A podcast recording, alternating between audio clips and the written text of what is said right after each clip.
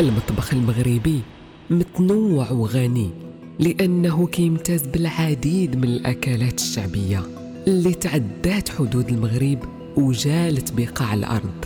هاد الأطباق العريقة كانت وما زالت أحد الدوافع المهمة للناس لزيارة المغرب والاستمتاع بلذة الطعام الشهي اللي ما كنستطيعوش عدها في قائمة واحدة.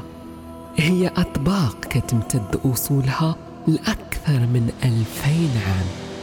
بتوالي الحضارات على المغرب تم إدخال العديد من الإضافات على الطعام المغربي.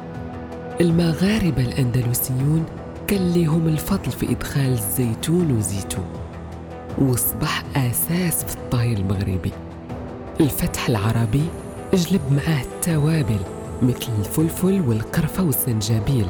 من بلاد الهند والصين حتى وصلات للمغرب اللي كيتعد مطبخه أساس لكل مطابخ المغرب العربي من ليبيا للجزائر وتونس. ومرات وصفات الطعام التقليدي في المغرب من جيل لجيل حتى وصلت للمغاربة المغتربين اللي خداو معهم أطباقهم اللي تأثرات بالحضارات الأخرى كيف ما أثروا فيها. لكن أطباقهم ظلات محافظة على أصالتها وحضارتها إلى اليوم.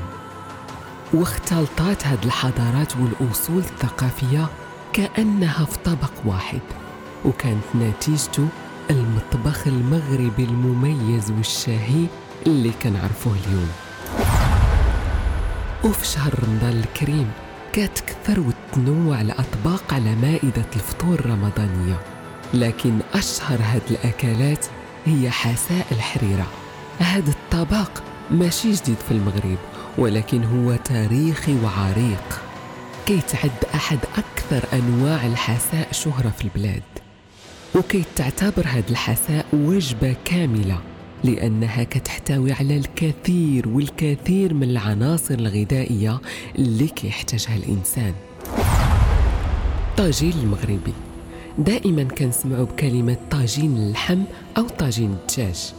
طاجين هو وسيلة طهي مغربية. هو صحن من الفخار عميق عنده غطاء مخروط الشكل وكيدفع البخار اللي كيدفق للأسفل وكتطبخ المواد جميعها في نفس الوقت وبطريقة صحيحة. ومن أنواع الطاجين المشهورة هو طاجين اللحم بالزبيب واللوز وطاجين الدجاج بالليمون والبصلة والزيتون. طنجية المراكشية من أشهر الأطباق المغربية. تسمى بهذا الاسم تيمنا بمدينة مراكش اللي كتعد أصل هذا الطعام. من المكونات الرئيسية لهذا الطبق اللحم والزعفران وتوابل أخرى. لكن هذا الطبق آثار جدل ما بين النساء ورجال المغرب. كتقول بعض الروايات أن هذا الطبق ما كتستطعش النساء طهيه لأنه كيحتاج المجهود بدني ولأن هذا الطبق كيتوضع في غرفة كبيرة بحال الفرن داخل النار وكميات المواد المستخدمة لازم تكون بعيارات دقيقة. وبالفعل حدث جدال مرة ما بين رجل من الطهاة وامرأة مغربية لأنه قال لها أن هذا الطبق كيحتاج مجهود سنوات لتعلم تحضيره. وما يمكنش بأي شكل من الأشكال يعطي وصفته لأي أحد باش يبقى هذا الطبق من أسرار المطبخ المغربي. وللحلويات في المغرب قصة أخرى. تنوعات وتعدات الحلويات المغربية اللي كتحتوي على لذة ونكهة خاصة. وأشهر الحلويات في المغرب هي كعب الغزال. وهي من أغلى وأصعب الحلويات المغربية في الصنع وتم تسميتها بتاج حلويات المغرب. كتكون بشكل أساسي من اللوز المطحون ومكوناتها مرتفعة في السعر مثل المستيكا المعروفة في المغرب بالمسكة الحرة. وكتقدم هاد الحلوى في المناسبات والأفراح المغربية.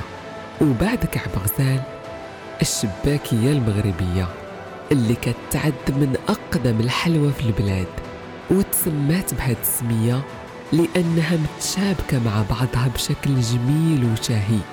الأمر اللي كيتطلب مجهود كبير من الطهاة القائمين على هذا النوع من الحلويات وكيقدمها أهل المغرب في الكثير من المناسبات.